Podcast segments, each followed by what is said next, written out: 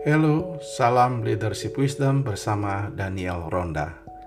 Dalam seri Gembala Baik yang kedua, saya mau mengajak saudara uh, memikirkan tentang mengapa pelayanan penggembalaan itu tidak berkembang. Nah, saya sering mendapat pengaduan uh, dari jemaat-jemaat dan juga sekaligus permintaan untuk dicarikan gembala karena gerejanya mengalami kemunduran, ada konflik, bahkan akhirnya gembala itu meninggalkan pelayanan gereja. Nah, karena waktu itu saya masih menjadi pimpinan dari STT. Nah, sehingga mereka berharap saya bisa mencarikan uh, gembala untuk mereka. Nah, ternyata tidak mudah mendapatkan gembala karena uh, saya tentu sadar orang yang tamat STT belum tentu matang untuk langsung bisa menjadi gembala karena misalnya seorang pilot yang baru keluar dari sekolah pilot tidak langsung otomatis akan bisa menerbangkan pesawat besar, pesawat komersial tanpa magang atau menjadi kopilot terlebih dahulu. Begitu pula dengan orang-orang yang tamat dari STT, tentu tidak mungkin langsung bisa menjadi gembala apalagi kalau jumlah jemaatnya besar sekali, dia perlu proses pembentukan. Tetapi ketika dia sudah menjadi gembala, saya ingin menitipkan pesan uh, untuk mengingatkan para gembala yang baru tamat dari STT dan juga mungkin yang mendengar podcast ini sudah cukup lama menjadi gembala, uh, sebaiknya dia bertanya mengapa pelayanannya tidak mengalami perkembangan. Karena seorang ahli kepemimpinan berkata, kalau hanya Anda tahu bagaimana menjalankan sesuatu, maka Anda hanya akan menjadi seorang manajer. Tetapi ketika Anda tak Anda sampai pada titik mengapa ada pertanyaan mengapa, maka saudara layak menjadi pemimpin. Sehingga walaupun pondasinya yaitu bagaimana cara menjadi gembala yang baik, kita harus bertanya mengapa. Misalnya gereja kita tidak mengalami pertumbuhan. Harus ditanya mengapa.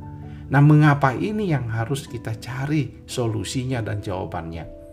Dan sekarang dalam seri kedua ini saya hanya berfokus kepada mengapa pelayanan yang yang dipimpin seorang gembala itu tidak mengalami perkembangan.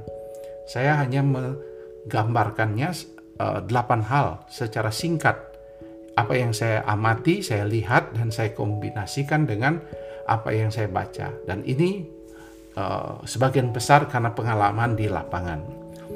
Yang pertama, mengapa pelayanan tidak berkembang adalah karena kepribadian pemimpin itu sendiri.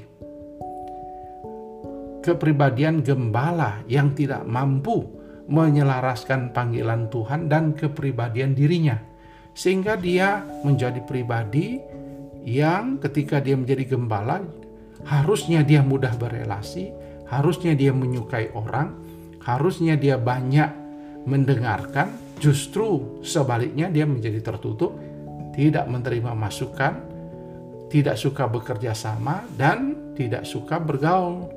Dan ini yang menyebabkan dirinya yang tidak suka berelasi ini menyebabkan pelayanan itu tidak mungkin akan bertumbuh karena seorang yang menjadi gembala harus menyukai orang dan suka berelasi dengan orang. Ini masalah pertama. Masalah yang kedua yang dihadapi mengapa pelayanan tidak berkembang adalah ada masalah dalam tim kepemimpinan yang tidak harmonis. Jadi di dalam gereja ada gembala, tentunya ada pengurus atau majelis, ada juga tim-tim kategorial, misalnya kaum wanita, kaum pria, kaum pemuda, mereka tidak harmonis sebagai tim. Ya, sebenarnya tim itu adalah sebuah kekuatan kalau itu dipadukan. Tetapi kalau tidak harmonis, maka akan ada kehancuran, kekacauan, saling jalan berjalan sendiri tanpa koordinasi. Kalaupun bertemu hanya konflik, hanya rapat berkepanjangan dan seterusnya. Ada masalah tim kepemimpinan menyebabkan gereja tidak bertumbuh. Solusinya apa? Nanti kita akan bahas dalam seri Gembala Baik berikutnya tentang manajemen dan pengelolaan dan bagaimana mengatasi konflik. Masalah ketiga, mengapa pelayanan tidak bertumbuh adalah gereja terlalu berorientasi pada program, ya. Gereja terlalu banyak program, banyak kegiatan-kegiatan rutin, ya, yang ada HUT, KKR, Natal dan sebagainya. Itu bagus semuanya, tapi tidak ada pemuridan. Tidak ada kelompok-kelompok pemuridan yang mendalam. Di, apalagi dikombinasikan dengan khotbah yang sehat sehingga pelayanan itu menjadi rutinitas berjalan seperti biasa dan tidak pernah dievaluasi. Jadi, orientasi pada program tanpa evaluasi. Masalah yang keempat dalam kepemimpinan atau pengembalaan yang tidak bertumbuh, bertumbuh adalah pemimpin terlalu menganggap sepele peran kunjungan, perkunjungan dalam pastoral gereja. Nah, nanti kita akan bahas khusus tentang perkunjungan sebagai inti daripada sebuah pelayanan penggembalaan. Banyak gembala menganggap remeh peran kunjungan pastoral. Kebanyakan jemaat itu justru merasa diterima, dihargai dan diperhatikan ketika jemaat itu dikunjungi oleh gembalanya. Kunjungan itu berarti sebuah relasi di mana gembala akan mendengarkan pergumulan-pergumulan jemaat, didoakan, lalu dikuatkan oleh firman Tuhan. Nah, ini akan saya bahas secara khusus, tetapi ini kalau tidak dibuat strategi khusus, tidak dibuat strategi yang bagus, tidak dibuatkan program yang mantap tentang perkunjungan, maka gereja akan stagnan dan tidak akan mengalami pertumbuhan atau perkembangan. Kemudian pelayanan yang kelima, mengapa pelayanan itu tidak bertumbuh dan berkembang? peng, pelayanan khotbah yang dilakukan ala kadarnya dan tidak ada evaluasi dan perhatian dari gereja untuk melakukan evaluasi. Sudah menjadi rahasia umum. Khotbah sangat menentukan sebuah kesehatan gereja. Mark Dever dalam sembilan tanda gereja yang sehat justru menaruh khotbah sebagai yang pertama. Tetapi banyak gereja hari ini justru membiarkan khotbah ala kadarnya. Khotbah biasa-biasa saja. Khotbah tidak dievaluasi. Ingat, mimbar hari Minggu itu sangat penting sekali diperhatikan dan dijaga.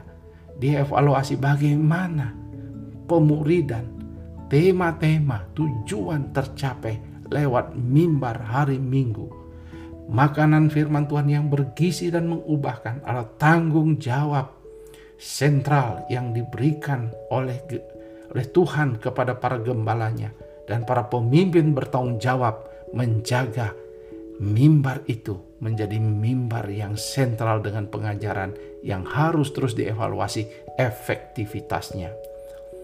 Yang keenam, melibatkan kaum awam di dalam jemaat dengan cara yang salah. Banyak jemaat dilibatkan dalam pelayanan tetapi tidak pernah dikadarkan, tidak pernah dilatih. Dia hanya langsung begitu mungkin dia terlihat aktif, begitu dia seorang yang punya jabatan atau punya kemapanan langsung diajak terlibat dalam pelayanan tanpa pernah diberikan pembekalan. Seorang di sekuler saja kalau kita belajar ilmu kepemimpinan, kalau orang mau menjadi pegawai negeri atau pegawai harus ada diklat dulu sebelum dia menjadi seorang pegawai negeri atau seorang yang bekerja di perusahaan. Dia ada pemagangan dan ada uh, pelatihan terlebih dahulu. Apalagi kita. Walaupun ini bersifat sukarela, jemaat awam, jemaat yang tulus mau melayani, tetapi kita perlu melatih mereka, perlu mengingatkan mereka, perlu memberikan uh, fondasi falsafah apa arti melayani sehingga mereka melayani dengan benar tidak ada tujuan lain selain memberi yang terbaik untuk Tuhan. Kemudian yang ketujuh, masalah uh, pelayanan yang tidak berkembang adalah gereja tidak memperhatikan kehangatan persekutuan. Ibadah memang uh, beda dengan menonton film atau drama dalam teater selesai ibadah orang kalau seperti teater atau uh, gambaran tentang studio film, maka habis itu habis menonton orang pulang karena dia hanya mementingkan hiburan, tetapi gereja bukan hanya ibadah langsung pulang, dia memerlukan satu persekutuan yang hangat.